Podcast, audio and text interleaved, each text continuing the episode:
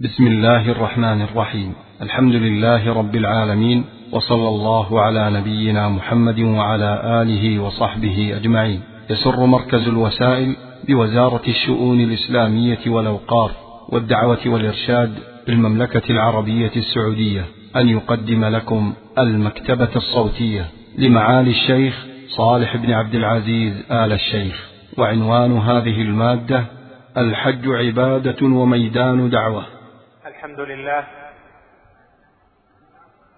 القائل في كتابه إن أول بيت وضع للناس للذي ببكة مباركا والحمد لله الذي قال أيضا في كتابه جعل الله الكعبة البيت الحرام قياما للناس.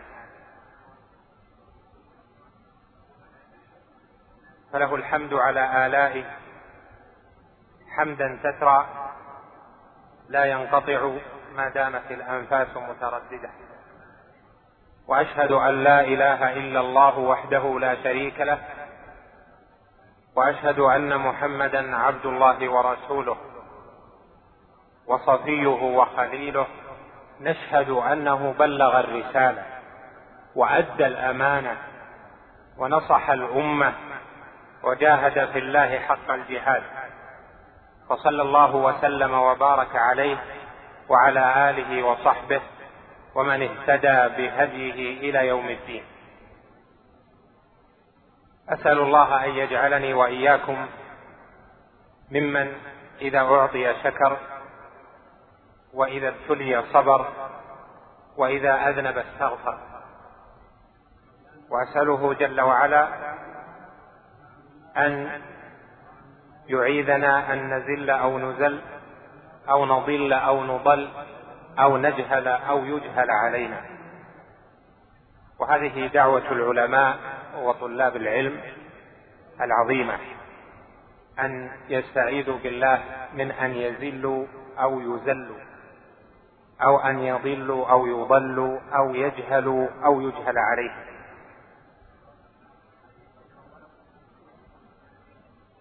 هذا الموضوع موضوع الحج عبادة وميدان دعوه انبثق من قول الله جل وعلا لإبراهيم عليه السلام وأذن في الناس بالحج يأتوك رجالا وعلى كل ضامر يأتين من كل فج عميق ليشهدوا منافع لهم.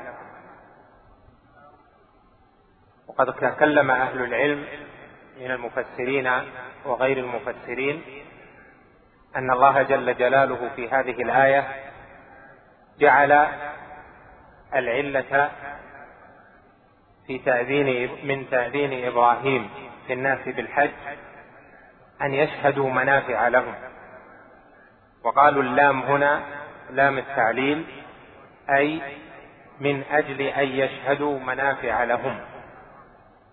وقالوا أيضا منافع هنا نكرت ولم تعرف ولم تضف إضافة تخصيص وذاك لتكون مطلقة فتكون عامة في أنواع المنافع.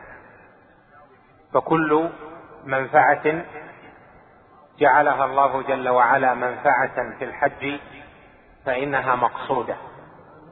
ولهذا اختلف المفسرون في رؤية هذه المنافع واختلافهم من باب اختلاف التنوع فقال الطائفة منهم إن المنافع هنا في قوله ليشهدوا منافع لهم أنها التجارة.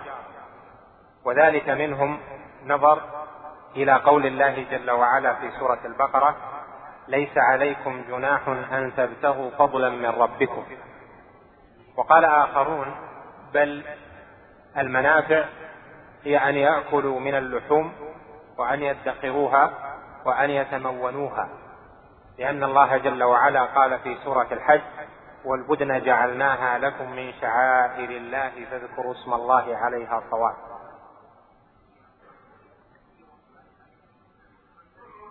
وقالت طائفة المنافع هنا هي العفو والمغفرة والخروج بعد الحج من الذنوب كما ولدت الإنسان أمه. وذلك لقول الله جل وعلا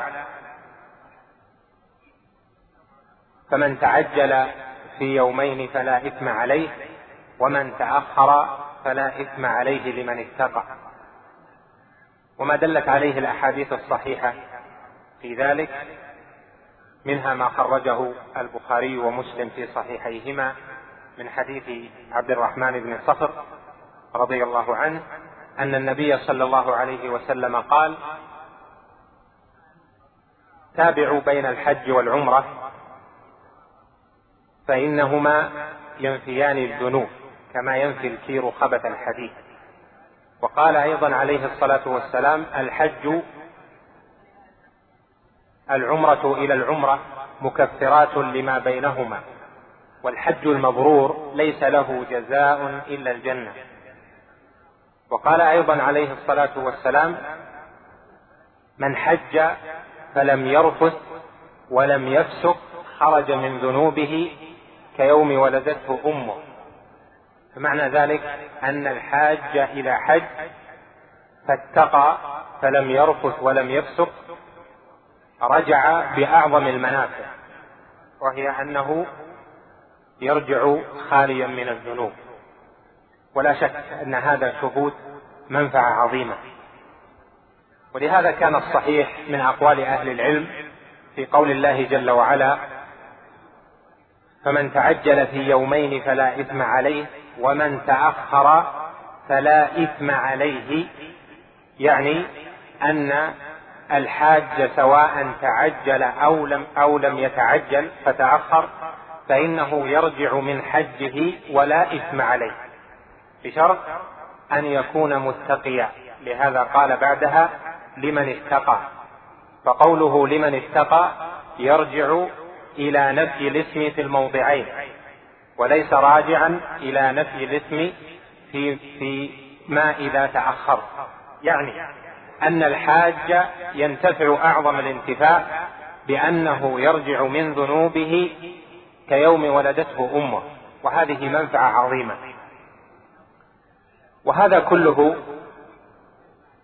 صحيح وأيضا مما قيل في تفسير الآية أن المنافع أن يشهد الحجاج الكعبة وأن يشهدوا الطواف والسعي ورمي الجمار وذكر الله جل وعلا فيقيمهم ذلك الشهود فيقيمهم ذلك الشهود على توحيد الله جل جلاله لأنهم يرون الكعبة ويتذكرون إبراهيم عليه السلام الذي بناها فيتذكرون بذلك حق الله جل وعلا الذي هو توحيده سبحانه وخلع الأنداد والبراءة من الشرك واهله ومن المنافع التي تتحصل كما ذكره الشيخ الشنقيطي في تفسيره شهود الأمة بعضهم لبعض والتقاء المسلمين بعضهم لبعض وما في ذلك من الوحدة الإسلامية التي جاءت فيها الآية إن هذه أمتكم أمة واحدة. يعني أن الدين واحد وهذه الأمة إذا التقت على دين واحد واجتمعت على ذلك فهذا أعظم المنافع. وهكذا في أقوال كثيرة. وابن جرير رحمه الله إمام المفسرين لما أتى لهذه الآية وساق بعض الأقوال التي ذكرت قال ما حاصله إن هذه الآية لا يصار فيها إلى قول دون قول بل إن المنافع تشمل ما ذكر وتشمل كل ما فيه منفعة للحاج فكل ما فيه منفعة للحاج في أمر دينه ودنياه في أمر دنياه وفي أمر آخرته فإن شهوده ذلك في الحج من مقاصد الحج. وهذا التأصيل مهم حتى نرى أن الله جل جلاله جعل من مقاصد الحج الشرعية أن يشهد الحجاج المنافع لهم. وهذه المنافع منها أن يؤدوا فرضهم أو أن يؤدوا نفلهم وأن يرجعوا بالأجر والغنيمة من الخيرات أو أن يرجعوا بالمال أو أن يرجعوا وقد خلوا من الذنوب والآثام وقد التقى بعضهم ببعض إلى آخر ذلك. فإذا المنافع كثيرة. وإذا كان كذلك كان من تحقيق المقاصد الشرعية في الحج أن يحقق المسلمون كل هذه المنافع ما استطاعوا. ما كان منها مباحا فهو مباح لهم كالتجارة وما كان منها مستحبا فهو مستحب لهم كنشر العلم والدعوة وأشباه ذلك. وما كان منها واجبا فهو واجب عليهم وهكذا. والحاج ايا كان يجب عليه أن يكون مخلصا لله جل جلاله في الحج. وقد جاء في الأثر بل وفي الحديث لا تقوم الساعة حتى يكون حج فقراء أمتي للمسألة وحج أغنيائهم للسياحة. والحج ركن الإسلام الخامس والإخلاص فيه واجب بل شرط صحته. ولهذا لما تكلم العلماء على الذين يستأجرون للحج قالوا إن من أخذ المال ليحج فإن هذا جائز. ولكن من حج ليأخذ المال فهذا الأشبه أنه ليس له في الآخرة من خلاق يعني من نصيب. يعني أن المرأة إذا أراد أن يحج ولكن ليس عنده نفقة وله رغبة في رؤية الكعبة ورؤية, المشاعر والتعرض لنفحات الله في تلك المواقف العظام وحضور يوم عرفة وشهود تلك الساعة الأخيرة والقيام بما يتعبد به المسلمون في تلك المناسك والمشاهد العظيمة ولكن ليس عنده مال فليس ثم بأس أن يأخذ من المال ما يعينه على الحج عن نفسه أو عن غيره. لكن من ليس له رغبة في الحج أصلا ولكن إنما حج ليأخذ وإلا فليس له رغبة في رؤية الكعبة ولا رؤية المشاعر ولا أن يكون مع المتعبدين هناك. فهذا قال في شيخ الإسلام ابن تيمية وغيره قالوا هذا الأشبه يعني من حج ليأخذ الأشبه أنه ليس له في الآخرة من خلاق. وهذا لأجل أنه فاته الإخلاص لله جل جلاله في هذه العبادة أو ضعف الإخلاص فيه جدا حتى كان رغبته في أمر الدنيا. التجارة أبيحت في الحج. ولو كان الحاج ذهب ليتاجر فليس عليه جناح. كما قال جل وعلا ليس عليكم جناح أن تبتغوا فضلا من ربكم فإذا أفضتم من عرفات الآية. قال العلماء إرادة الأمر الدنيوي فيما يراد به وجه الله جل وعلا إذا كان مأذونا به من جهة الشارع فلا يعد قصده إخلالا بالإخلاص. ولا يدخل ذلك في قول الله جل وعلا في سورة هود من كان يريد الحياة الدنيا وزينتها نوفي إليهم أعمالهم فيها وهم فيها لا يبخسون. أولئك الذين ليس لهم في الآخرة إلا النار. وقد ذكر العلماء إمام الدعوة وذكر أبناؤه وتلامذته أربع صور تدخل تحت هذه الآية. وليس منها أن يكون الأمر الدنيوي قد رتبه الشارع على العبادة. مثل أن يصل رحمه امتثالا لأمر الله ولكن أيضا ليحصل على الأثر الذي رغب فيه رسول الله صلى الله عليه وسلم بقوله من سره أن يبسط له في رزقه وأن ينسأ له في أثره فليصل رحمه. من جاهد لإعلاء كلمة الله ولكن له رغبة في المال فهذا قد حث عليه عليه الصلاة والسلام فقال من قتل قتيلا فله سلبه. ترغيبا في أن يقاتل وأن يجاهد لكن يكون قصده الله جل وعلا ويكون هذا معه. فكذلك من أراد بالحج أن يكون حاجا وأن يتعبد ولكن مع ذلك أن يربح ما يربح بالتجارة فلا بأس بذلك ولا يعد ذلك منافيا للإخلاص لأن الله جل جلاله أذن بذلك وقال ليس عليكم جناح أن تبتغوا فضلا من ربكم. بخلاف الذي ليس له همة في الحج إلا أن يكون رابحا للمال. فلم يقصد الحج أو لم يقصد أن يتقرب إلى الله بالحج وإنما قصده إلى المال فهذا الأشبه أن يكون ممن يريد حرث الدنيا. المنافع كثيرة ولهذا نقول إذا تحقق الإخلاص ورام العبد الحج فلا بد أن يرتب نفسه في أن يكون ممن تعرض لهذه المنافع العظيمة التي هي مقصد الحج. فيكون متعرضا من أول ما يذهب مستحضرا أن يرجع من حجه وقد خلا من الذنوب. من حج البيت فلم يرفث ولم يفسق رجع من ذنوبه كيوم ولدته أمه. والحج حج البيت يبدأ من قصدك البيت لأن الحج في اللغة هو القصد المكرر لمكان معظم. إذا كان كذلك فمنذ أن تذهب للحج يكون أول منفعة تريد أن تشهدها وأن تحظى بها أن ترجع وقد خلوت من الذنوب.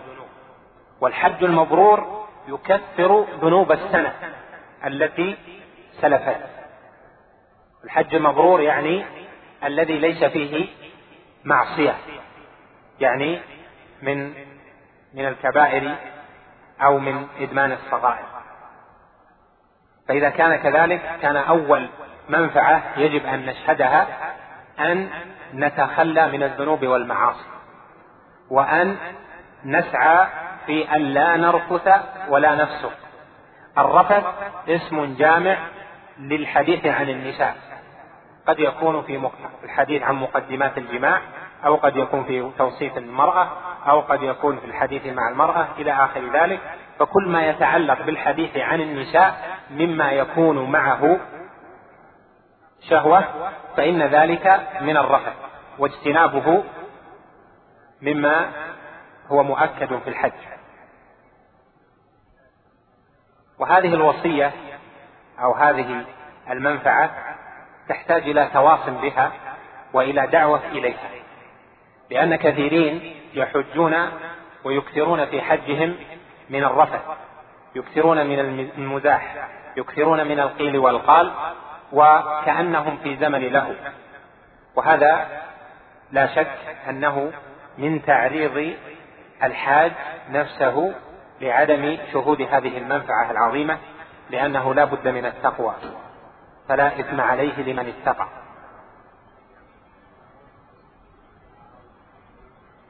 من منافع الحج العظيمة التي تشملها هذه الآية أن يتعلم الحجاج ما به تكون منفعتهم في الآخرة.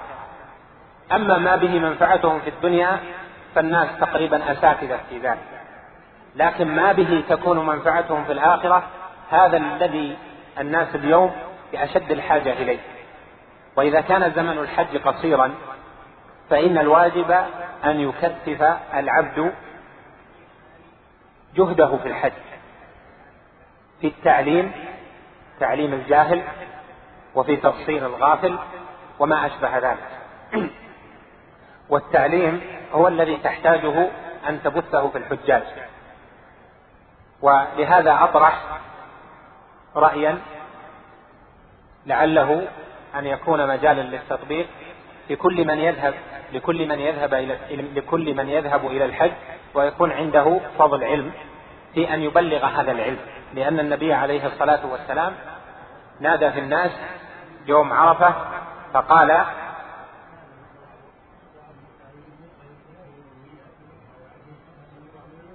اللهم هل بلغت؟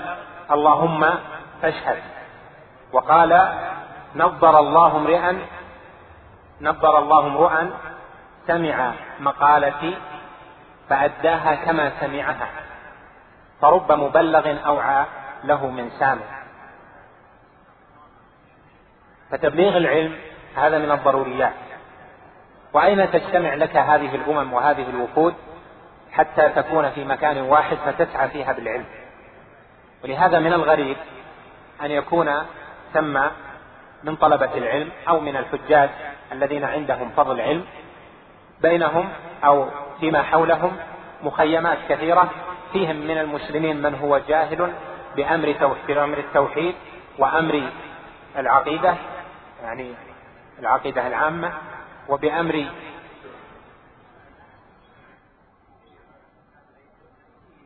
وكذلك بأمر العبادة وأمور أركان الإسلام والمعاملات إلى آخره.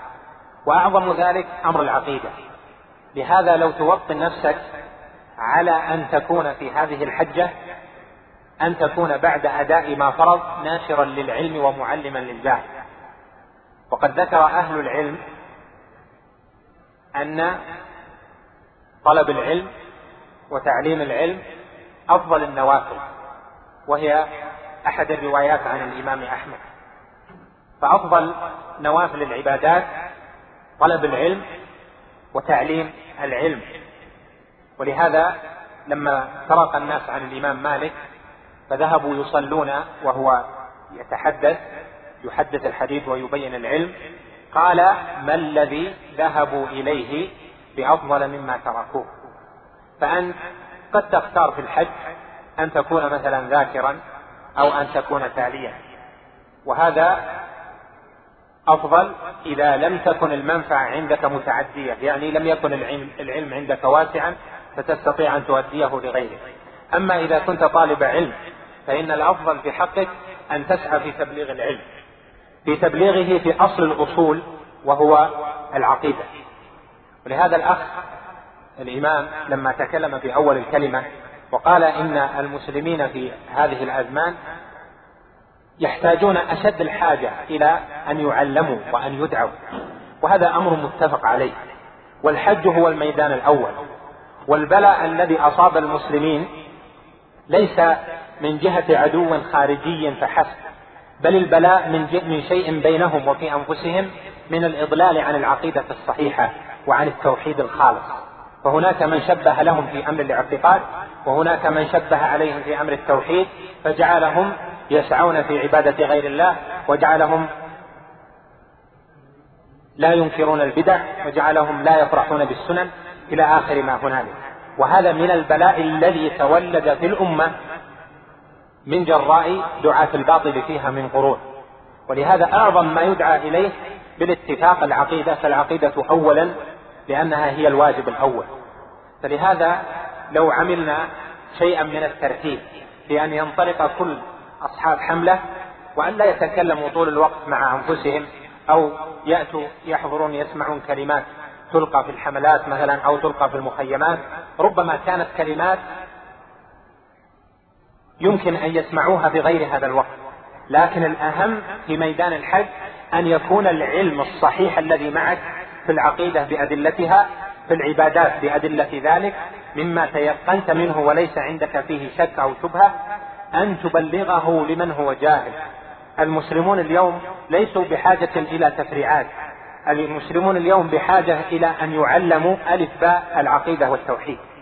يعلمون أوائل ومقدمات ومهمات الإخلاص والعبادة والدينونة لله جل وعلا وحده دون ما سواه. وذلك لأن الشرك فشى في الناس الشرك الأصغر والأكبر. فلهذا كان من المتأكد شهودا للانتفاع وإشهادا له وانتقالا به أن تسعى في تحصيل هذا المقصد العظيم من مقاصد الحج الذي شرعه الله جل وعلا بقوله ليشهدوا منافع لهم وأن تشهد الناس أعظم منفعة لهم بأن تدلهم على توحيد الله جل وعلا وأن تعلمهم ذلك. الحاصل أن الذين يعلمون التوحيد وينشرون العقيدة في الحج على أقسام. منهم من ينشر ذلك بالإنكار. يعني إذا سمع منكرا في العقيدة أو شيء أنكر واشتد وغلظ أو أغلظ في الإنكار على من فعل ذلك. ولا يسعى في التعليم ابتداء وإنما عنده الإنكار فقط. وصنف لا ينكر ولكنه يعلم. وصنف ثالث يعلم في ميدان التعليم وإذا وجد منكرا من المنكرات المتعلقة بالعقيدة أو بالتوحيد أو المتعلقة بالعبادات فإنه ينكر ذلك وينصح بالأسلوب الحسن الذي معه الانتفاع. وتذكر في هذا كله أن الناس بحاجة دائما إلى أن تمتثل قول الله جل وعلا وقل لعبادي يقول التي هي أحسن إن الشيطان ينزغ بينهم. إن الشيطان كان للإنسان عدوا مبينا. فأمر جل وعلا أن يقول العباد التي هي أحسن وقل لعبادي يقول التي هي أحسن. فإذا وجدت كلمة حسنة وكلمة أحسن منها فقد أمرت بالأحسن فاترك الحسن إلى الأحسن. لأنك لا تتكلم عن نفسك وإنما تتكلم تريد أن ترغب الناس في دين الله جل جلاله. وهذا يلزمك أن تتلفظ بأحسن الألفاظ. وقد قال جل وعلا ولا تجادلوا أهل الكتاب إلا بالتي هي أحسن إلا الذين ظلموا منهم. ادعوا إلى سبيل ربك بالحكمة والموعظة الحسنة وجادلهم بالتي هي أحسن. فإذا ميدان التعليم في الحج يكون بتعليم الجاهل مع الصبر عليه. فتسعى في ذلك تنتشر من المخيم الذي أنت فيه أو الحملة التي أنت فيها أو المكان الذي أنت فيه تتفقد من حولك.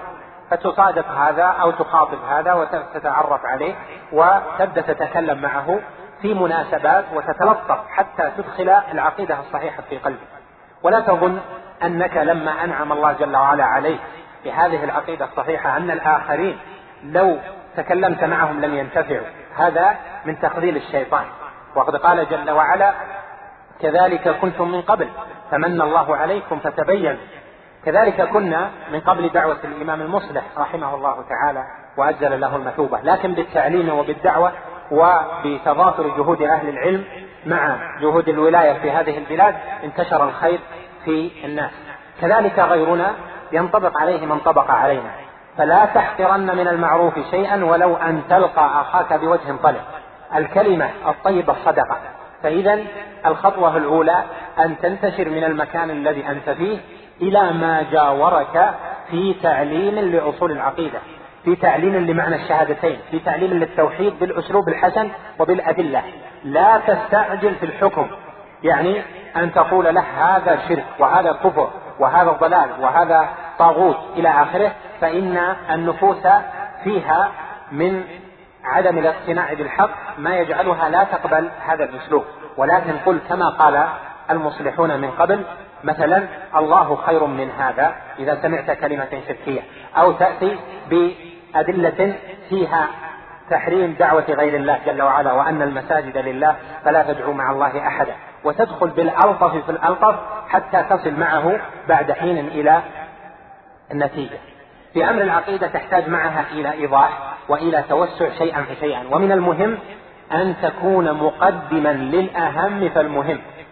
لا تبحث مثلا في الشرك الأصغر وأنت لم تتيقن من أن الذي أمامك قد كفر بالطاغوت وقد فهم معنى كلمة التوحيد. هذا يكون من البداءة بالمهم ولكن تترك الأهم. وقد قال إمام الدعوة في كلامه على حديث ابن عباس في إرسال معاذ إلى اليمن على قوله فليكن أول ما تدعوهم إليه. قال الشيخ رحمه الله في مسائل كتاب التوحيد فيه البداءة بالأهم فالأهم.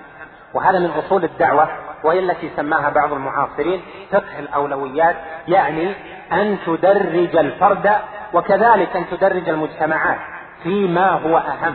أم أما أن تأتي إلى ما هو أقل وأن تترك المهمات فلا بد أن يكون ثم سوء في التصرف ونتيجة سيئة في هذا التصرف لأنك أخللت بأمر شرعي وهو البداءة بالأهم فالأهم. وكثيرون ممن دعوا كانت هناك شبه في قلوبهم من أثر دعوة من دعاهم لأنه لم يحسن الأسلوب ولم يبدأ بالأهم فالأهم. لم يبدأ بالأهم بأدلته تاركا الحكم إلى فترة لاحقة.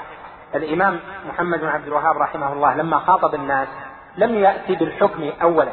وإنما بين لهم الأدلة وشرح لهم آيات الكتاب وأحاديث النبي عليه الصلاة والسلام وأوضح لهم ذلك شيئا فشيئا حتى أقيمت عليهم الحجة ثم بعد ذلك حكم عليهم الحكم المعروف بحسب ما يناسب الحال. إذا فأول الأمر أن تنظر حالة المدعو هذا الذي تنتقل من مكانك الذي أنت فيه إلى ما حولك وهذا لا شك أنه من المهمات. إذا كان من الموحدين وعرفت ذلك فالحظه في عبادته الحظه في صلاته الحظه في تلاوته وهكذا فنمي معه الخير شيئا فشيئا. من المهمات أيضا أن تلحظ أن زمن الحج قصير. لا يمكن أن تشرح فيه كل مسائل التوحيد وكل مسائل العقيدة. فإذا تلطفت مع جار لك في الحج وأخذت معه صداقة من رجل من أحد هذه الأمصار المتفرقة فحبذا لو أخذت عنوانه وكنت قمت بجهد شخصي مع شخص واحد أو مع أكثر إن قواك الله بأن تسعى في مراسلته. تأخذ العنوان وتسعى في مراسلته ترسل له كتيبات في العقيدة في التوحيد تبدأ معه بدعوة في مراسلات. وقد جرب هذا في بعض الميادين في مراسلات مع أناس مفتوحين غير معروفين. فجاءت الأجوبة بما ينتج معه أن المراسلات ميدان عظيم من ميادين الدعوة ترك في هذا الزمن ولم يغشه إلا الأقلون. لما؟ لأن الرسالة ليس فيها مخاطبة ليس فيها حجاج ليس فيها وجه أمام وجه. ليس فيها تعبيرات إلا تعبيرات القلم على الورق. فهذه تستطيع أن تتصرف فيها وأن تدخل فيها إلى قلب المتحدث إليه. مثلا من ميادين الدعوة التي أخذ بها الشيخ محمد بن عبد الوهاب رحمه الله ميدان المراسلات. فله مع مع كثير من من حوله من طلبة العلم والعلماء ومن الناس والأمراء فيما حوله له معهم مراسلات حبب إليهم الخير. وكان من ضمن تلك المراسلات مثلا أن كتب إلى أحد القضاة في الأحساء واسمه عبد الله بن عبد اللطيف وكتب للشيخ ينتقد الشيخ محمد بن عبد الوهاب رحمه الله في بعض في بعض أقواله فكتب له الشيخ رسالة لو قرأتموها لكانت نبراسا لنا في كيف يكون التحبيب بالرسائل لأن الرسالة فيها لطف اللفظ وفيها عدم مواجهة الوجه للوجه وفيها وفيها مما يتيسر معه قبول الحق. قال الشيخ رحمه الله في رسالته له وأنا منذ رأيتك قد كتبت على أول صحيح البخاري في مسائل الإيمان إن هذا هو الحق. ما زلت أدعو لك لأن ما كتبته مخالف لما عليه أهل بلدك من العقيدة يعني الأشاعرة. وما زلت أدعو لك وقد دعوت لك في صلاة. وكنت أقول لعل الله جل وعلا أن يجعلك فاروقا لدين الله في آخر هذه الأمة كما جعل عمر بن الخطاب فاروقا لها في أولها. هذا الأسلوب والرسائل ولين اللفظ لا شك له أثر في النفوس عظيم.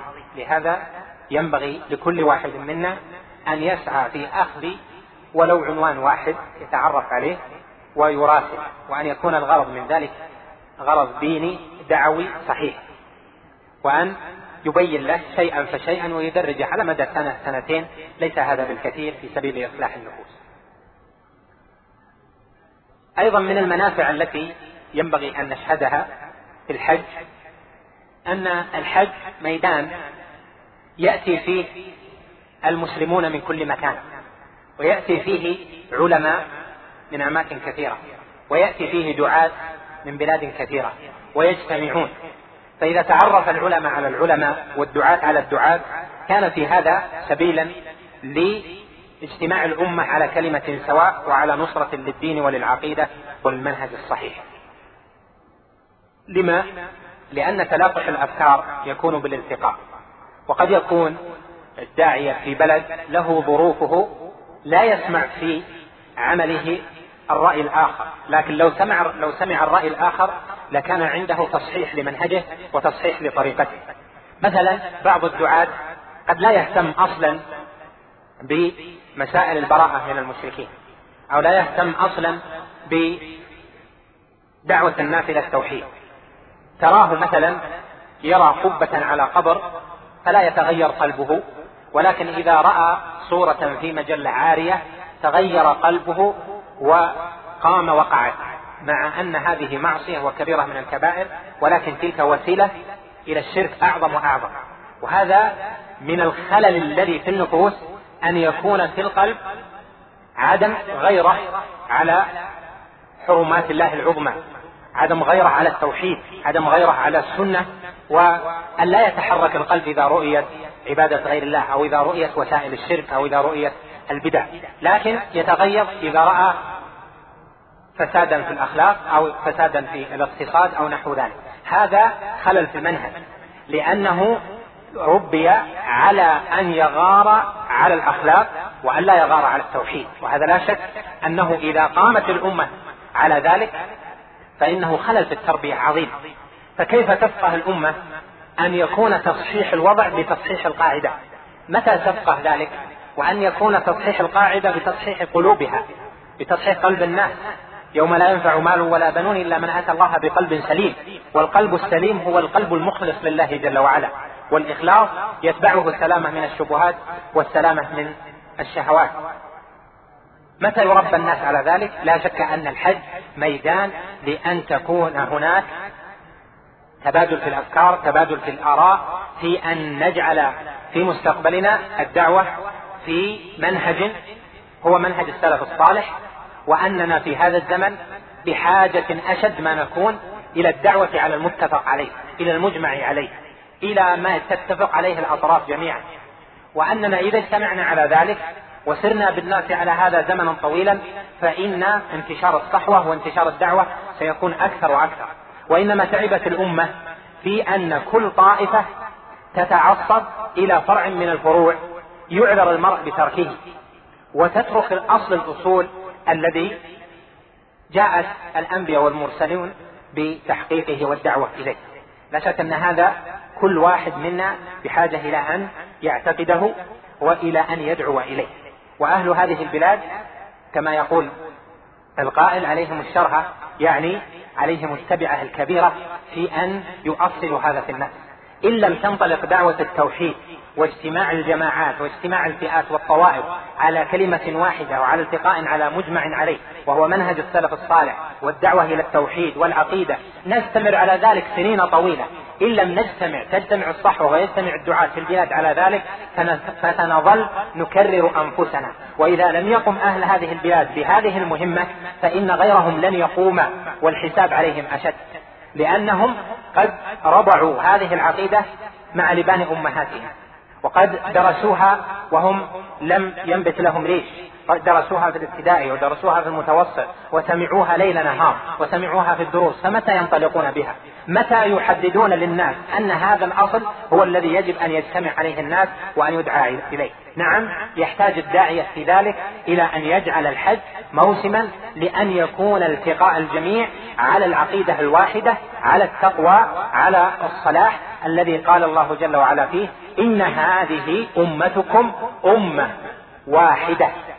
يعني الأمة في هذا يعني الدين دين واحد وليس بدين متعدد.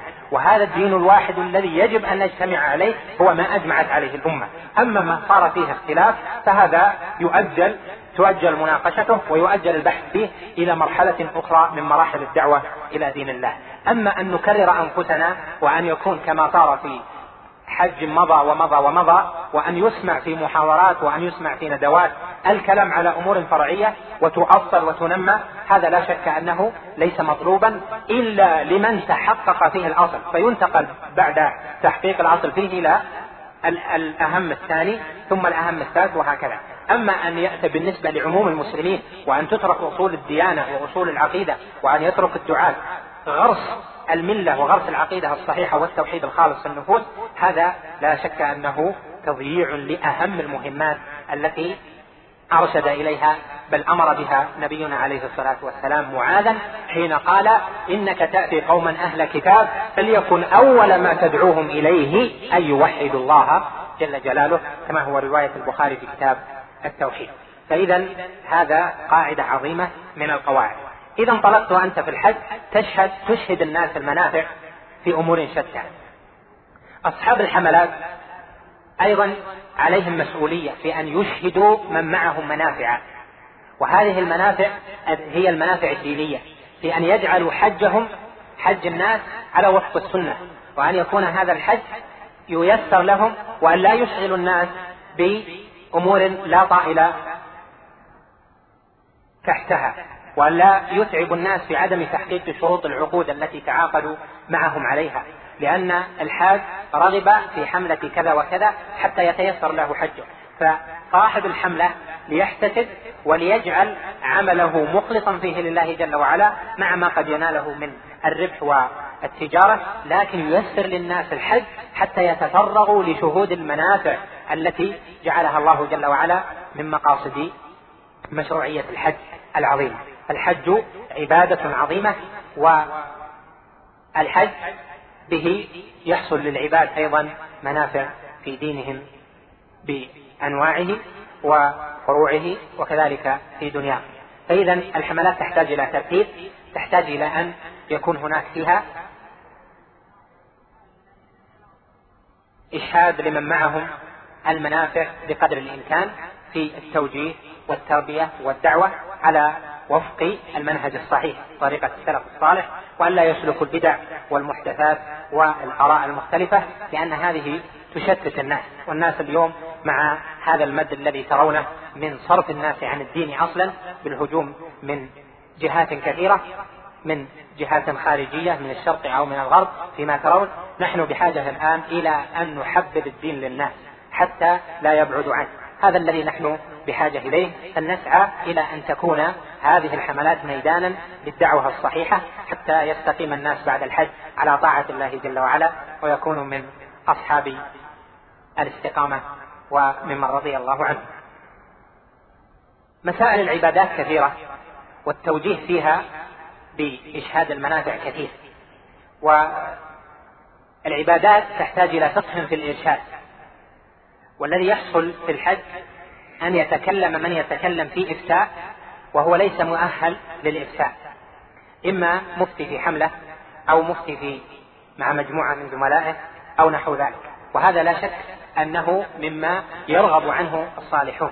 فالتعجل في الفتوى أو أنه إذا قرأ شيئا أو تعلمه فأنه يحق له عند نفسه أن يفتي هذا ليس بصحيح وليس بمضطرب.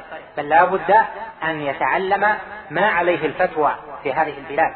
ما يفتي به أهل العلم وما كان عنده فيما قرأ شيء مشكل عليه في شيء ليس عليه الفتوى فإنه يسأل أهل العلم ويراجعهم وليس ملزما هو بأن يفتي وليس هذا بفرض عليه. فإن الحديث من سئل عن علم فكتمه هذا إذا تعين عليه. أما إذا لم يتعين عليه فهو في سعة والحوادث عن الصحابة كثيرة رضوان الله عليهم في إحالتهم المستفتي إلى آخر وإلى ثالث وإلى رابع حتى ربما رجع المستفتي إلى من استفتاه أولا بعد سبعة أو أكثر. وهذا هو الذي ينبغي. والذي يحصل وهو من الإخلال بما ينبغي في الحج أن نجعل الحج ميدانا للتفاخر بالقراءات وبالعلم. هذا لا ينبغي وهو من ضعف الورع لأنه يقرأ قليلا ثم بعد ذلك يأتي ويكون هو مفتي المخيم أو مفتي الحملة ونحو ذلك. هذا لا شك أنه مما يتورع عنه الصالحون ويتورع عنه الأتقياء أما من لديه علم ويعلم ما عليه الفتوى ويعرف أقوال أهل العلم ويتجنب الأقوال الشاذة فهذا نفعه لإخوانه فيما علمه من المسائل بحجته أو بإحالته على من قاله من أهل العلم فهذا لا شك أنه من تيسير الفتوى على الناس. أيضا مما ينبغي التنبه له في الحج أن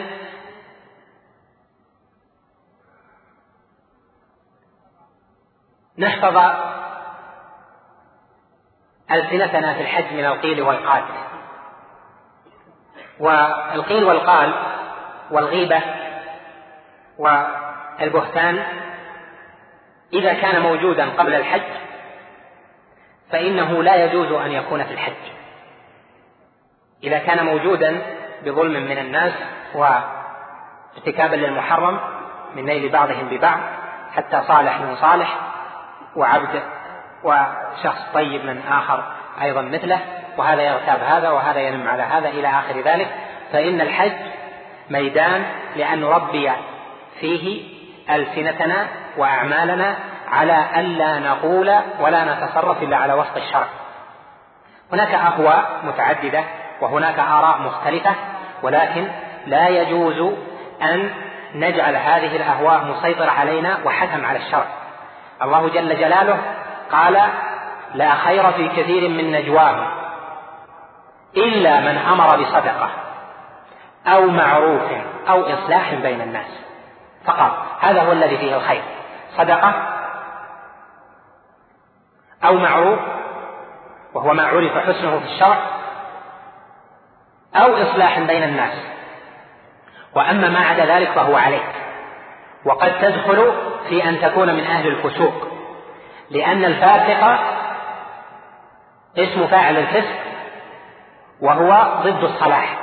والصالح من عباد الله هو القائم بحقوقه وحقوق عباده.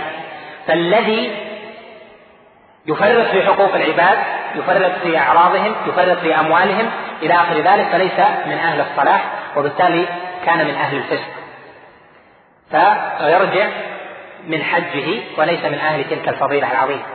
لهذا لا بد من ضبط اللسان في أن لا تتكلم في أحد إلا بما أذن به في الشرع. تتكلم في مدحه الثناء عليه إذا كان يستحق ذلك حتى ترغب الناس في الخير. هذا طيب.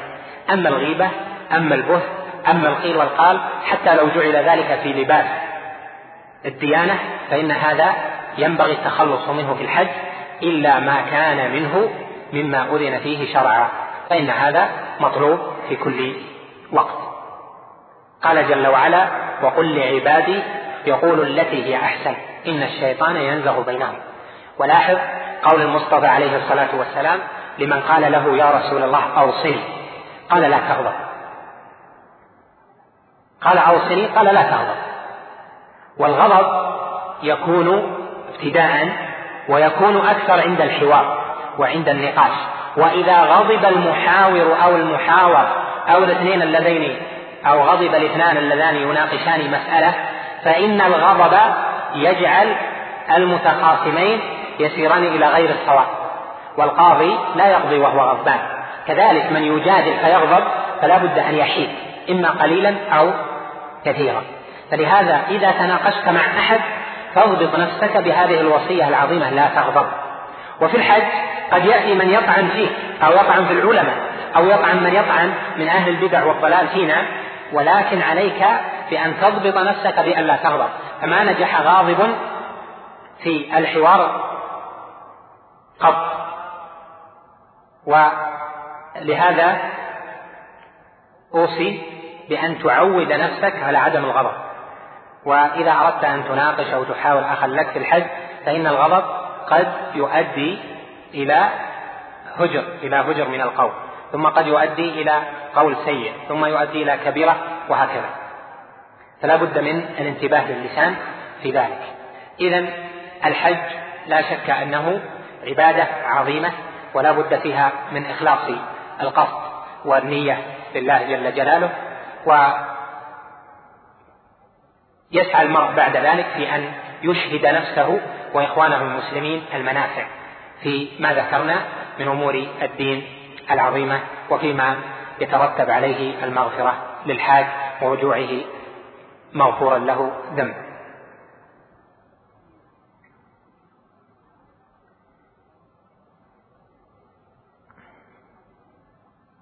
هذه كلمات ربما عند كثيرين منكم تفصيلات الواقع العملي كيف ننتقل وننتشر بالدعوة في الحج ولكن هي توجيه لا بد أن نسعى إلى إنفاذه لأجل أن نحظى بالأجر العظيم وبأن نكون ممن دعا إلى الله جل جلاله.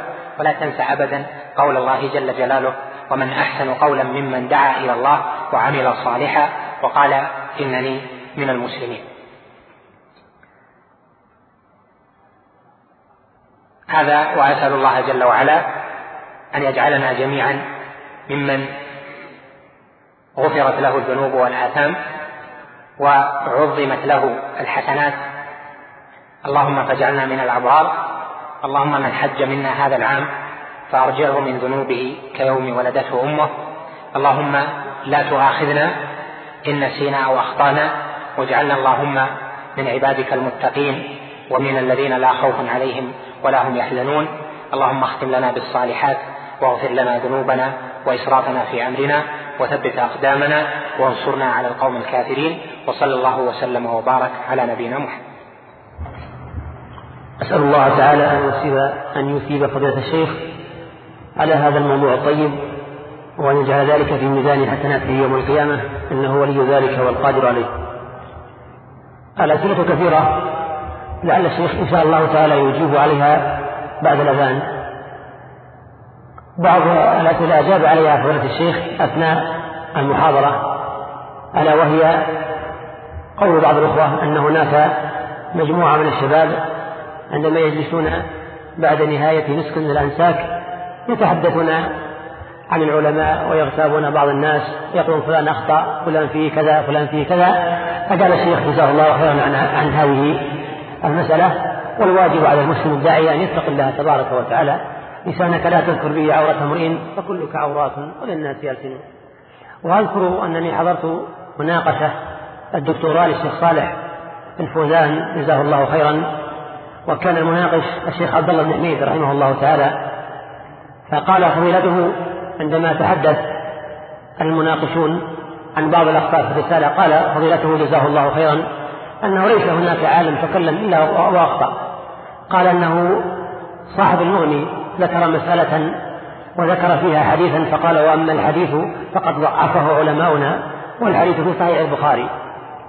وبعض صاحب الرجل المربع قال وما أبين من حية حية فكميتة وستأتي في باب الصيد؟ قال ولم يتكلم عنها في باب الصيد وأخطأ. قال فلا نقول إلا كما قال فقيه الحنابلة ابن رجب يأبى الله العصمة لكتاب غير كتابه. والمنصف من اغتفر قليل خطأ المرء في كثير ثوابه. فهذا هو العدل والإنصاف. أما أن يحد الإنسان ويتكلم في أعراض الناس ويقع في العلماء فهذا أمر لا يجوز. ومما يدل على ما ذكره الأخ أن الكلام في أهل العلم ما تجرأ عليه أحد إلا وخذل. ولهذا قال الحافظ بن عساكر في أول كتاب تبيين كذب المفتري لحوم العلماء مسمومة وعادة الله يعني وسنة الله لهتك أستار منتقصهم معلومة. لما كان ذلك؟ لأن النيل من العالم ليس نيلا من شخصه. وإنما هو نيل لما حمله من العلم. وإلا فلو لم يكن عالما وتخلى من العلم يعني لو تصورت أنه أزيل عنه العلم وبقي فلان بن فلان المعروف أو العالم المشهور بدون علم لأصبح هذا لا يقع فيه. لكن لما حمله من العلم الذي يخالف ما عنده فإنه يقع فيه. وهذا لا شك أنه من البعض وهذا مما نهى عنه السلف أشد النهي وتكلموا في ذلك أشد الكلام. واستثنوا من هذا حالة وهي فيما إذا كان التحذير من العالم تحذير من خطأ وقع فيه حكم عليه العلماء بأنه أخطأ فيه. مثل ما قال صالح بن كيسان ورويت أيضا عن الإمام أحمد فيما أذكر قيل له إنك تتكلم في أناس من العلماء قد ماتوا أفلا تخشى من ذلك؟ قال ويحك. ألا ترى أني أنفع لهم من أمهاتهم وآبائهم؟ ألا ترى كيف أحجز الناس عن أن يتبعوهم فيما أخطأوا فيه فتعظم أوزار المتبع فهو يرى أن هذا الذي أخطأ فاتبعه الناس على خطأه أن من محبته أن يبين أنه أخطأ حتى لا يتبعه حتى لا يتبعه الناس على خطأه فتعظم أوزاره لأنه قد ثبت في الصحيح أن النبي عليه الصلاة والسلام قال ومن سن في الإسلام سنة سيئة كان عليه وزرها ووزر من عمل بها إلى يوم القيامة. فإذا كلام الكلام في العلماء هذا حرام ولا يجوز وإذا احتاج العالم العالم وليس العامي أو الشاب إذا احتاج العالم إلى أن يبين خطأ عالم آخر فعند العالم ضوابطه فيخطئه فيما أخطأ فيه نصحا للأمة ولكن لا تراه يطعن في سلوكياته التي لا علاقة لها بالمسألة التي أخطأ فيها. مثلا تجد أن بعضهم أخطأ في مسألة علمية أو في مسائل علمية فتجد أن الذي يتكلم ويريد أن يحذر من خطئه يتعرض لمسائل سلوكية. يقول كان في صغره يفعل كذا وكان يلبس كذا وكان يحضر كذا. وهذا لا شك أنه مما لا يؤذن به شرع كيف تنتقل من شيء لا نفع للناس به في أن تحذرهم تبين لهم عورته أنت اطلعت على أنه كان في صغر عمل معصية كذا وأخذت له صورة كذا أو أنه في بيته كان له كذا أو إلى آخره. فتنشر هذا ما, له ما له ليس لها علاقة بخطئه الذي أخطأ إما في التوحيد أو خطأ الذي أخطأ في العقيدة أو في الفقه أو إلى آخره. فإذا إذا تجاوز الناصح حد النصيحة المأذون بها شرعا في تبيين ما غلط به العالم فإنه ينتقل من كونه ناصحا إلى كونه متعديا على حق أخيه المسلم. فيما إذا قال شيئا لا يحتاج إليه في نصيحته. مثل الكلام عن سلوكياته الكلام عن أشياء لا علاقة لها بالآراء وما أشبه ذلك. لهذا ترى أن الآئمة رحمهم الله تعالى في من ردوا عليه من معاصريهم لم يفضحوهم في شيء من من أعمالهم. وإنما امتثلوا قول النبي عليه الصلاة والسلام وإذا ذكر أو قال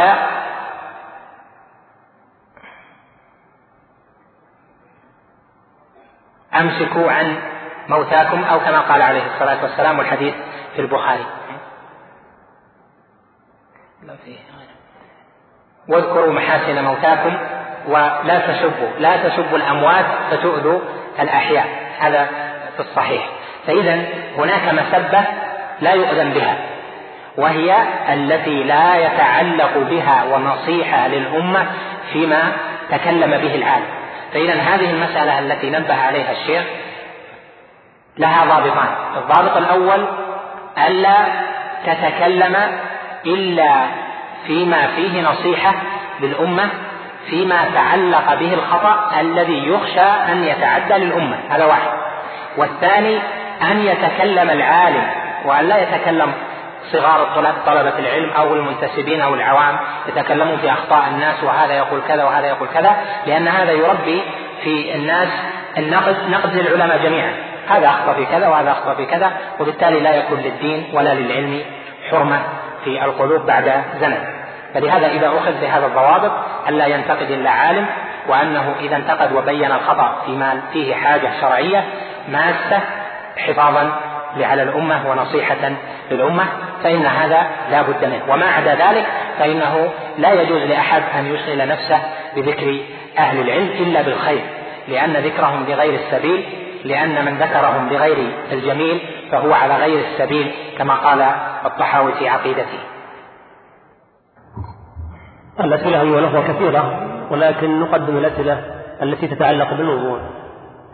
يقول السائل فضيلة الشيخ يغلط بعض الشباب الذين ينكرون المنكر بأسلوب يزداد فيه البلاء أو قال يزداد فيه البلاء شدة ويزداد فيه المنكر ولا يتغير. فنحن نجد أن بعض الشباب في المشاعر ينظرون إلى المصورين ويأخذون الكاميرات ويفسرونها بدون أسلوب حسن مما يجعل المنكر يزداد. فما توجيهكم لذلك؟ جزاكم الله خيرا. قاعدة. مهمة في هذا وهي أن العلماء قرروا أن المسائل التي فيها خلاف قوي فإنه لا ينكر فيها المسلم على أخيه. الخلاف قسمان يعني في الفقهيات خلاف قوي وخلاف ضعيف. المسألة التي فيها خلاف قوي فلا يكون فيها إنكار. وهذا في مسائل كثيرة مثل أهل العلم بأمثلة نذكر منها. مثلا في زكاة الحلي من زكى أو لم يزكي هذه المسألة فيها خلاف قوي فلا إنكار فيها. ما يأتي الواحد ينكر على أهله على أبيه أنه ما أخرج زكاة يعني ما قال لأهله أن يخرجوا الزكاة أو القول الآخر. والذي كان عليه العلماء في هذه البلاد من قديما لا زكاة في الحلي كما هو معروف. والآن أفتى عدد من أهل العلم مثل سماحة الشيخ عبد العزيز حفظه الله الشيخ محمد بن عثيمين وغير أولئك بأن الزكاة فيها.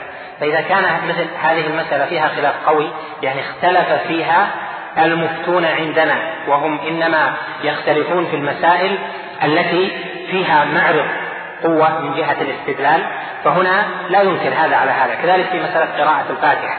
وفي مسائل من أشباه ذلك. منها مسألة التصوير الفوتوغرافي فإن المفتين انقسموا. منهم من قال إنه يحرم ومنهم من قال لا يحرم. وهؤلاء الذين أفتوا بعدم الحرمة فيه لهم حجة وإن كان القول الصحيح عندنا أن التصوير بجميع أنواعه حرام لأن النبي صلى الله عليه وسلم لعن المصورين ونهى عن التصوير وهذا يعم جميع أنواع التصوير الذي يكون ثابتا. ولكن ما دام في خلاف لبعض المفتين في هذه البلاد الكبار الذين يصار إلى قولهم فإنك إذا أنكرت على من يستعمل ذلك فإنك قد تنكر عليه أنه أخذ بفتوى ذلك العالم. وهذا يحصل فيه خلل في كثير من المسائل. لكن هنا يأتي مسألة الدعوة والبيان والنصيحة. لأنك تقول هذا التصوير ما يجوز وتأتي له بالأدلة لعله أن يترك ذلك ويأخذ بالقول الصحيح فيها. المسائل التي فيها خلاف قوي يعني اختلف فيها المفتون عندنا.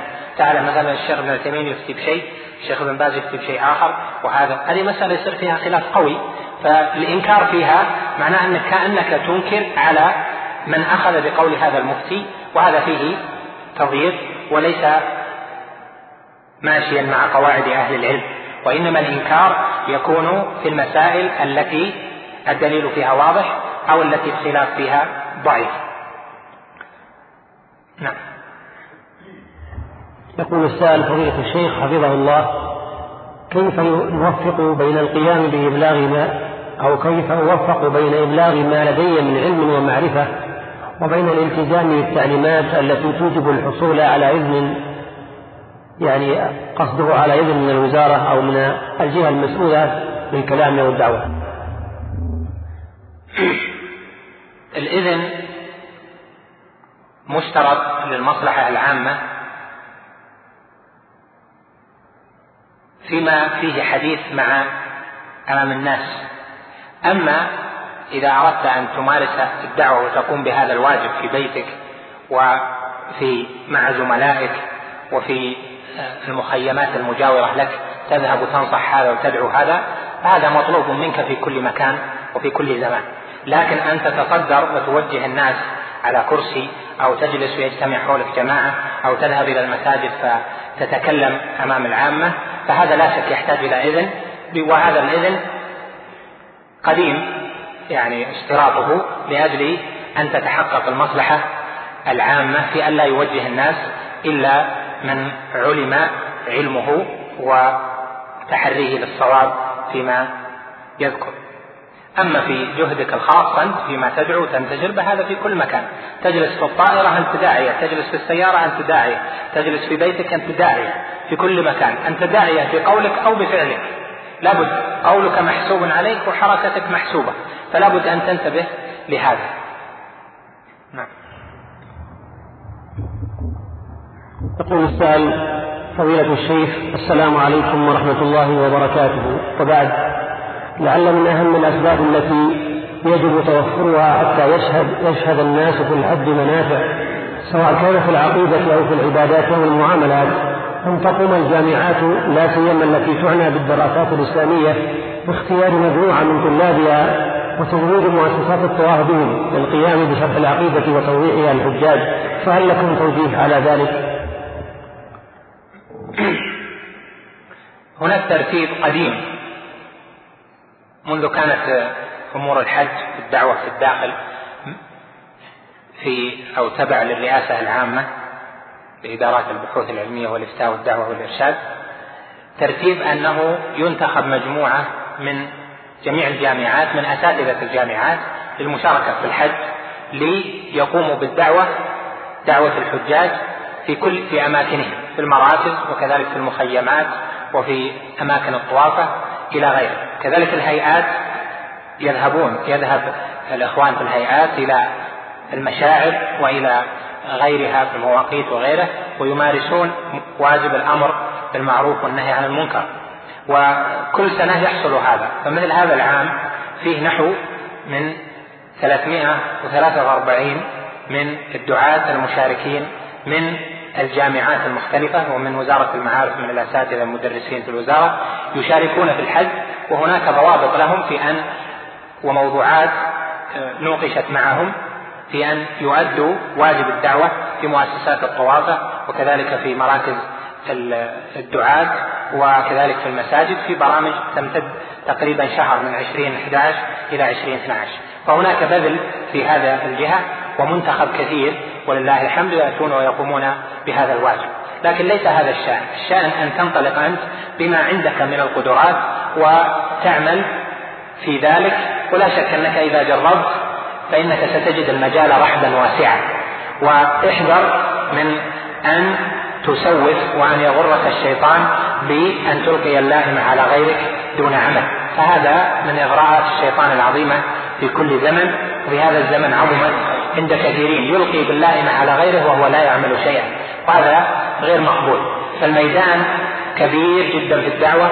وتبدأ أنت هنا أو تبدأ في في الحج أو تبدأ في المشاعر مع الحجاج ومع من يريد الحج بطبع مثلا كتيبات صغيرة وتوزيعها في العقيدة أو في في العبادات أو في الأذكار أو نحو ذلك.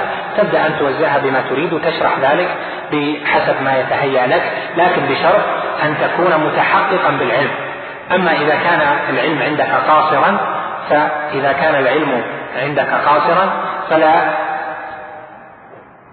ترقى تلك العقبة فإنها كؤود يقول السؤال السلام عليكم ورحمة الله وبركاته بعض الحملات يقوم يقومون ببعض النشاطات للدعوة وللتعليم ومن ذلك ما يقوم به البعض أو بعض الحملات بعرض مسرحيات أو مشاهد للتنبيه على بعض أخطاء الحجاج فما رأي فضيلتكم بهذا الأمر؟ إذا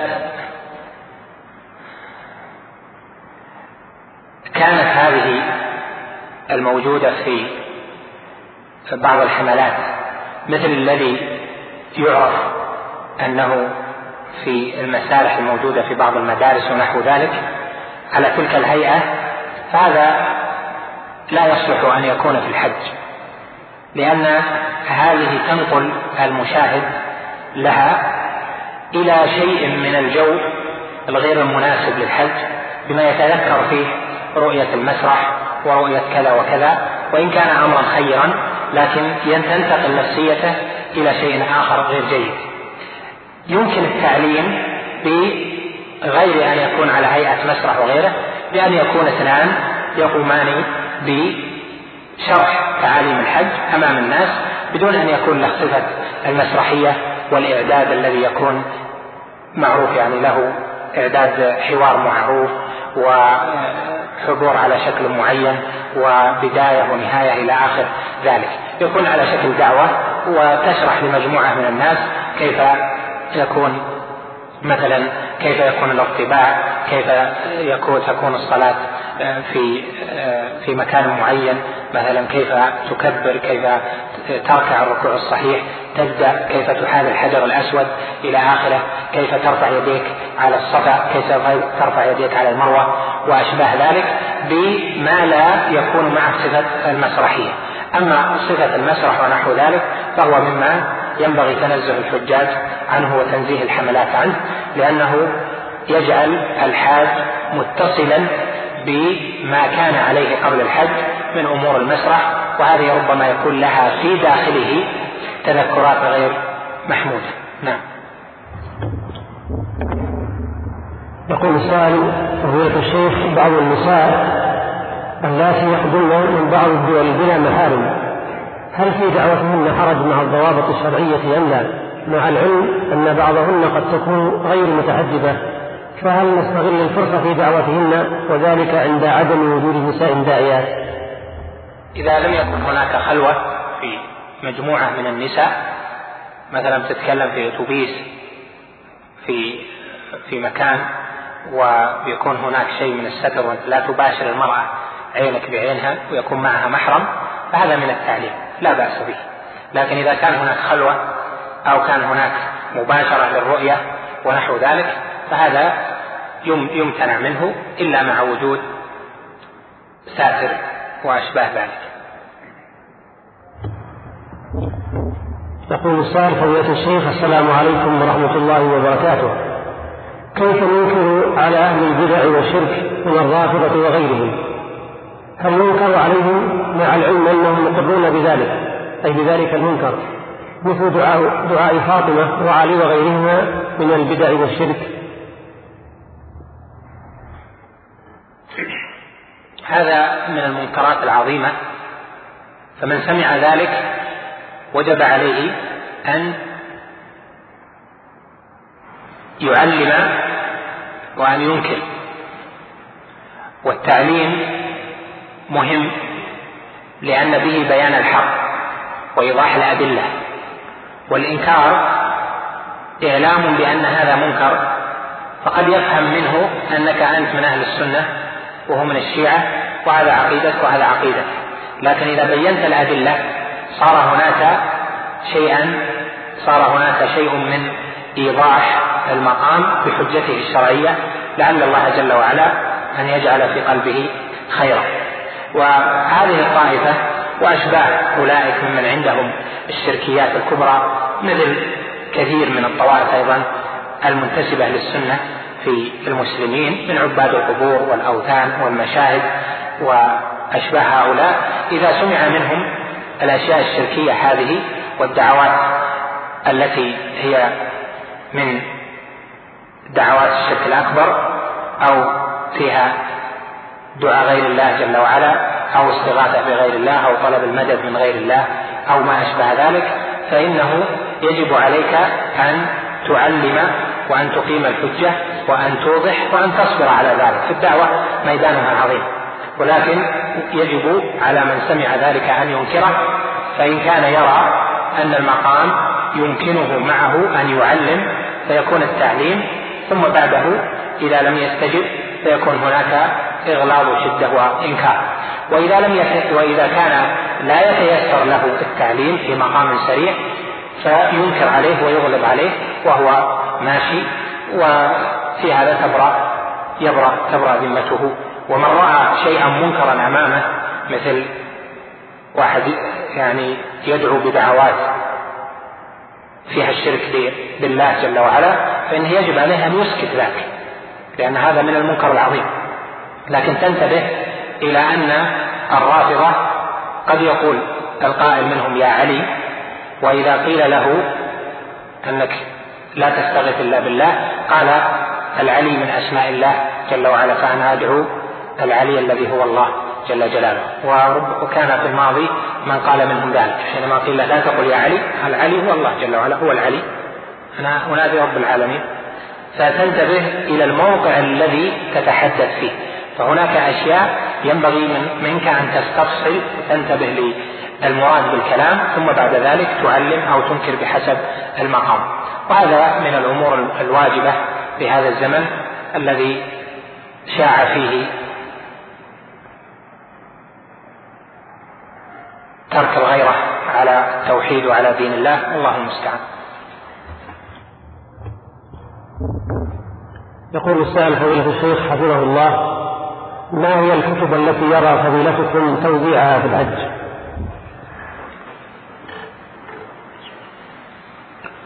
الكتب كثيرة. لكن لعل السائل إذا كان عنده مجموعة من الكتب يريد أن يستشير فيها يأتي بها إلي أو لأحد الإخوان هنا ويرشدوه للكتب المناسبة نعم.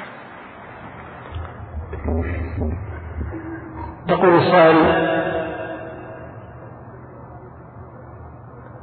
فضيلة الشيخ ما رأيكم في من أو في قول القائل نجتمع فيما اتفقنا عليه ويعذر بعضنا بعضا فيما اختلفنا فيه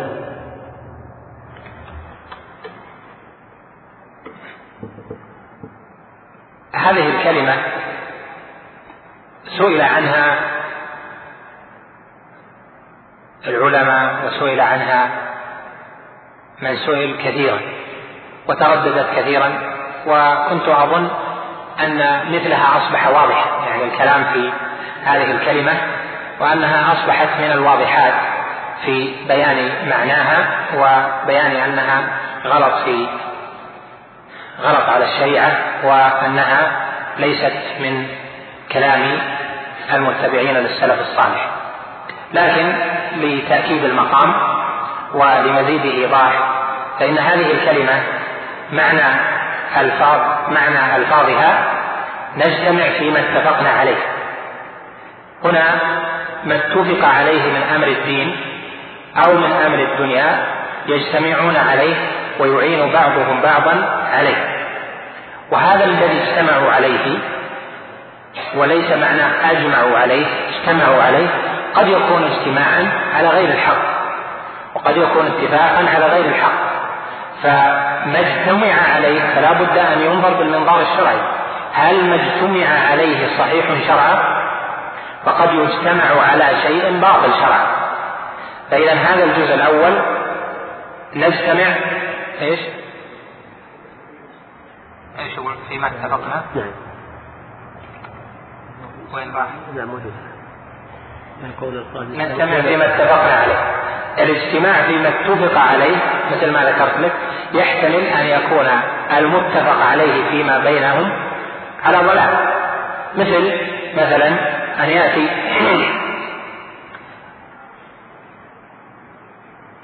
ناس من أهل السنة من المتصوفة ويجتمعون مع أناس من الشيعة ويجتمعون مع أناس من فئة أخرى ويتفقون على قدر من التصوف.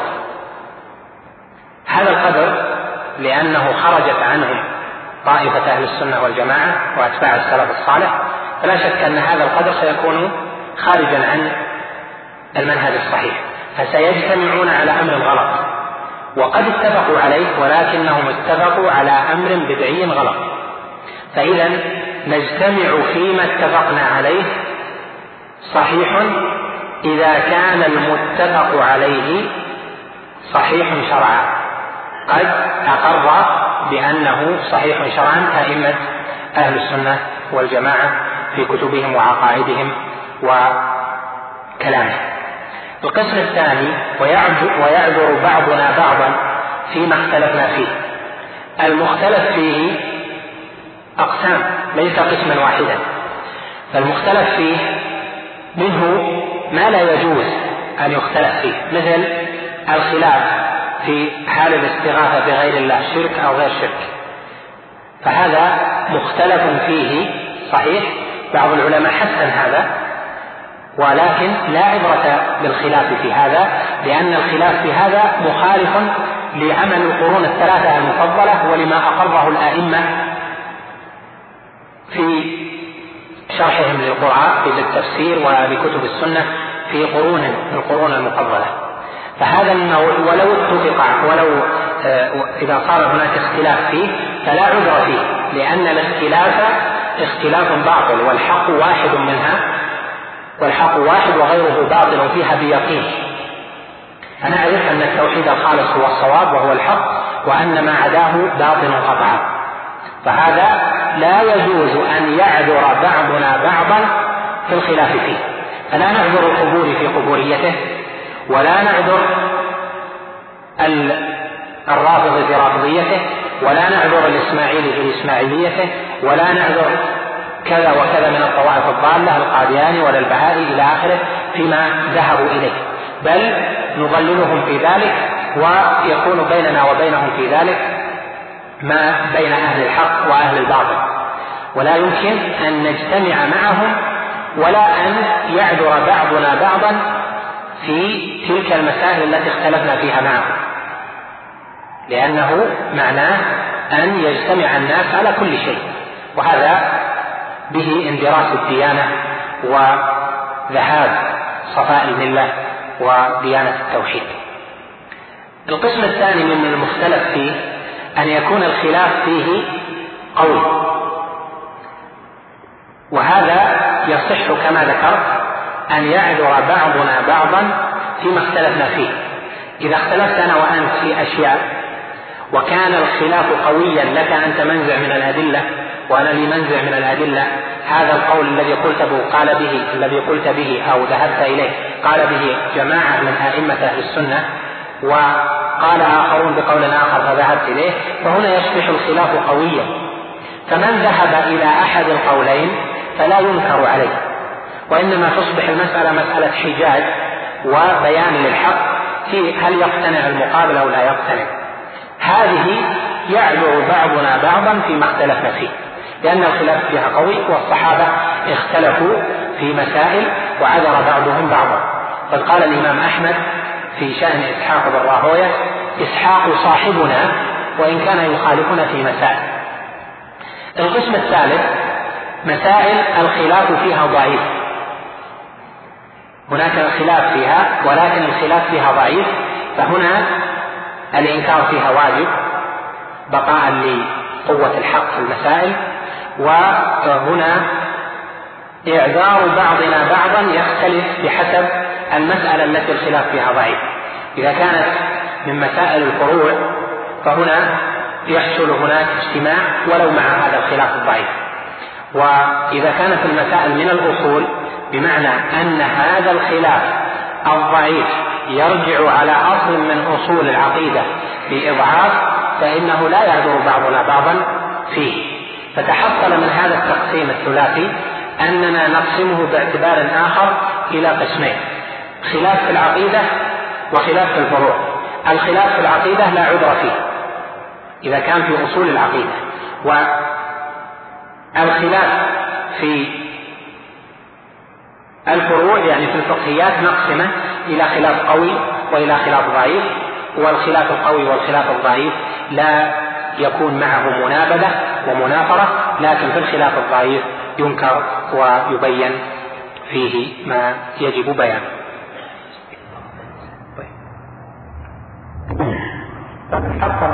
الكلمة هذه غلط في معناها وكذلك ألفاظها تدل على معاني أوسع مما ذكرت مما لا يكون مطابقا ولا موافقا لمنهج المتبعين للسلف الصالح. تقول الأخت الصولة أنها امرأة متدينة ولله الحمد ولكنها تعيش مع أناس يصلون الفروض في المسجد إلا صلاة الفجر فإنهم لا يصلون مع الجماعة. كيف أتعامل معهم؟ جزاك الله خيرا. وأحيانا أغضب عليهم ويغضبون علي فما حكم هذا الغضب؟ يجب المواصلة في النصيحة وأن تقومي بواجبك كل ليلة. بأن توقظيهم للصلاة وإذا وقظوا للصلاة فأبوا مع رجوع شعور الشعور لهم فتكون قد أديت الذي عليك والحمد لله. ولكن لا تيأس المرأة من إيقاظ زوجها أو إيقاظ إخوانها أو إيقاظ أبيها بالأسلوب الحسن الذي لعله معهم لعله معه أو لعلهم معه أن تنفتح قلوبهم للحق وأن يتخلصوا من ما يكون مع عدم القيام بهذا الواجب العظيم وهو القيام للصلاة في وقتها مع الجماعة في المساجد. وأما الغضب الذي ذكرته السائلة فإن الغضب إذا لم يكن في أمر لها حق فيه فليس لها أن تغضب. وإذا كان الغضب لأجل الشرع والمصلحة الشرعية فإنها معذورة فيه وقد تؤجر عليه. لكن تنظر هل الغضب هذا سيجعل أولئك يصدون عن طريقتها في النصيحة وعن الإلزام بالدين أم لا فإن كان لا يصد والغضب سيؤتي سيؤتي بنتيجة فهذا جيد وأما إذا كان لن يأتي معه نتيجة فإنها تتركه ولو غلبت في داخلها فكون الغيظ. طيب والصبر وعدم الحزن مأمور به. أعاننا الله وإياها على الخير والهدى تقول السائلة أنها امرأة ولها ولد في سن المراهقة ونحن الناس ليس عندنا في البيت تلفاز ولكنه بدأ يشتكي من هذا الشيء ويطالب بالتلفاز ويسمع الأغاني وغيرها من المعاصي كيف أتعامل معه؟ هل أضربه وأزجره أم ماذا؟ هذا من البلاء الذي ينبغي للوالدين أن يتعامل معه بحكمة وسكينة وهدوء. لأنه في هذا الزمن يخشى من القسوة أن لا يأتي معها النتيجة المرجوة. صحيح أن القسوة أحيانا تنفع لكن أحيانا لا تنفع وخاصة في سن المراهقة وهي من السن من تقريبا العاشرة إلى الخامسة عشر. فلهذا على الوالد وعلى الوالدة أن يتعامل معه بحكمة وأناة وأن يحبب له الخير شيئا فشيئا. ومن الأساليب الجيدة أن يبحث له عن صديق أو عن أصدقاء فيهم صلاح وأن يغري الوالد أو الوالدة ابنهما بأن يصحب هذه الرفقة الصالحة. ولو أغروه بمادة أو أغروه بكذا وكذا فإن هذا من الأمر المحبب للنفوس وربما يصلح معه لأن الغالب أن الشباب لا يصلحهم إلا من هو من أمثالهم. مع تحيات مركز الوسائل بوزارة الشؤون الإسلامية والأوقاف والدعوة والإرشاد بالمملكة العربية السعودية.